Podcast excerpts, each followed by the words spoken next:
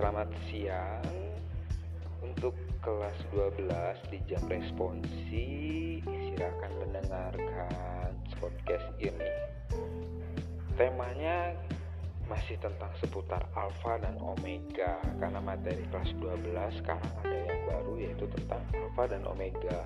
Kalau kemarin kan di tahun angkatan yang kemarin mah masih tentang HAM gitu. Nah, sekarang tentang alfa dan omega. Ini jadi topik yang akan menarik.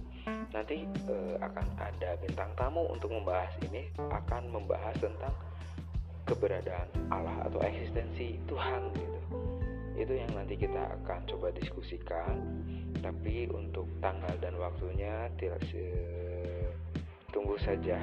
Nanti saya akan infokan. Nah, jika kita berbicara mengenai alfa dan omega, fenomena sekarang akan membawa kita ke topik keberadaan Allah atau eksistensi Allah. Di Wahyu 22 ayat 13, coba buka dulu, coba baca dulu. Wahyu 22 ayat 13. Wahyu 22 ayat 13 sudah coba lihat, coba baca, coba buka. Kalau pada saat ini kamu tidak membuka Alkitabnya, Tuhan tahu ya tapi kalau seandainya saat ini kamu coba cari terus kamu buka baca sendiri juga Tuhan tahu gitu ya. Pokoknya mah Tuhan mengetahui apa yang sudah kita lakukan betul? Oke saya akan bacakan di Wahyu 22 ayat 13 bacanya gini Aku adalah Alfa dan Omega yang pertama dan yang terkemudian yang awal dan yang akhir. Sekali lagi ya Aku adalah Alfa dan Omega yang menunjukkan kepada uh, aku adalah alfa dan omega, yang pertama dan yang terkemudian, yang awal dan yang akhir. Nah, di sini nih, siapa aku? Aku di dalam ayat ini tentu menunjukkan kepada pribadi Tuhan yang kita sembah. Ia yang mengawali segala sesuatu dengan kuasanya. Contoh saja misalkan gini, apakah bumi ini bulat?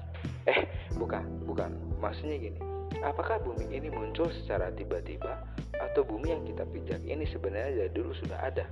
Apakah Anda yang tahu siapa yang mengawali bumi ini sehingga bumi ini hadir dan kita bisa berdiam, berteduh dan tinggal di bumi ini? Siapakah yang mengawalinya?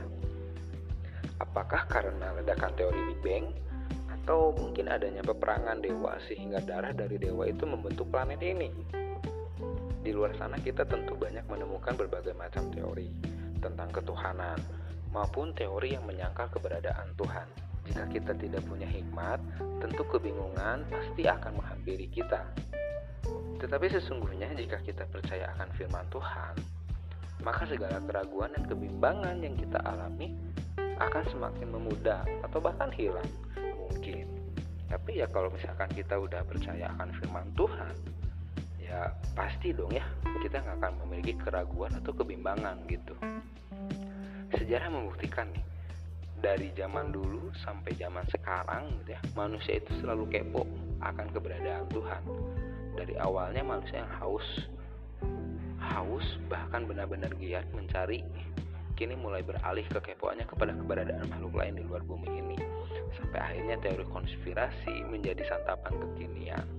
Bener ya dulu mah bener. Di zaman-zaman batu mungkin zaman-zaman purba manusia berusaha mencari sosok supranatural.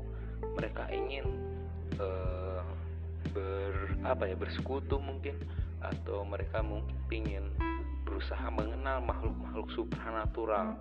Ya sampai hanya kita kenal untuk zaman sekarang. Bisa kalau di Indonesia itu kayak sosok-sosok yang kayak gimana gitu ya. Seolah itu adalah suatu tradisi yang zaman dahulu yang konon katanya dulu mungkin para manusia-manusia yang belum secanggih sekarang menganggap bahwa segala sesuatunya itu punya sisi supranatural. Sampai akhirnya mereka bergumul mereka menemukan dan mereka mengklaim dan itu yang jadi suatu warisan budaya yang sampai akhirnya kita sekarang bisa tahu makhluk-makhluk yang seperti itu. Tapi kenyataannya dari zaman dulu si manusia itu emang selalu mencari sosok supranatural yang di mana apa yang bisa dilakukan oleh si makhluk supranatural itu yang ternyata di luar batasan kita sebagai manusia yang natural gitu susah banget kan untuk bisa mengerti dan memahami kok bisa ada yang seperti ini seperti ya kita tahu keadaan bumi kita seperti ini, siapa yang menciptakan? Bagaimana itu bisa terjadi?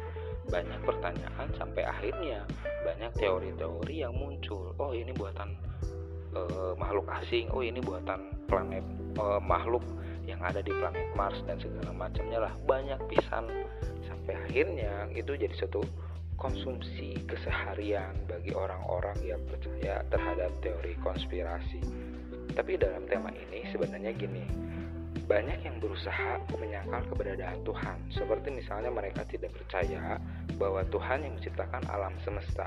Mereka menolak Alkitab sebagai sumber pengetahuan. Tapi yang paling menarik adalah bagaimana cara kita mengaplikasikan pemahaman kita akan keberadaan Tuhan dalam kehidupan nyata sebagai bentuk wujud syukur kita yang nyata kepada Tuhan. Kita percaya bahwa Tuhan mampu menciptakan dari yang tidak ada menjadi ada atau bahasa kerennya mah ex nihilo. Itu bahasa kerennya. Jika kita percaya bahwa Tuhan mampu menciptakan dari yang tidak ada menjadi ada, maka sudah pasti tidak heran jika ia mampu menciptakan alam semesta. Bener kan?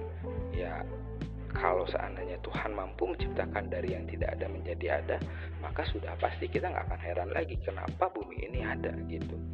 Menurut kalian nih, apakah bumi ini akan selamanya bertahan menopang kehidupan para manusia? Coba perhatikan keadaan bumi kita sekarang. Seiring berjalannya teknologi, kekayaan alam kini semakin digerogoti. Hutan, hutan sudah mulai gundul ya kan? Bahkan sekarang hutan-hutannya udah kini udah udah jadi kayak perumahan-perumahan gitu yang memang sangat keren untuk ditinggali gitu.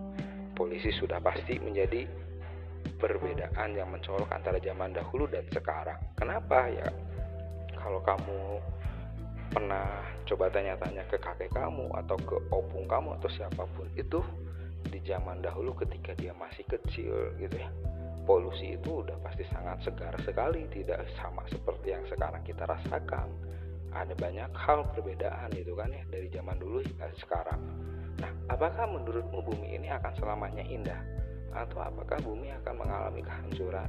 Nanti deh coba kamu searching terlebih dahulu dan coba perhatikan apakah ada teori yang menjamin bahwa bumi ini akan tetap berdiri kokoh selamanya Nah, teman-teman, di sini kita bisa melihat sebenarnya segala sesuatu yang ada di muka bumi ini ada masanya atau ada waktunya. Kita kita tidak bisa mengetahui kapan saatnya tiba gitu. Tapi yang jelas ada saatnya segala sesuatu ini berakhir. Jika ada kata akhir, maka pasti ada awalnya. Oleh karena itu, eh, mari kita terus saja dekat dengan Tuhan biar segala sesuatu yang terjadi kita bisa berserah sama Tuhan. Jadi di jam responsi ini hanya sebagai pengantar saja nanti kita akan lebih berdiskusikan lagi tentang uh, menyangkut keberadaan Tuhan. Dia yang menciptakan alam semesta sampai akhirnya tiba nanti akan seperti apa. Kalau kalian pernah dengar ya atau kalian pernah melihat ada banyak teori-teori yang sangat luar biasa. Ada banyak uh,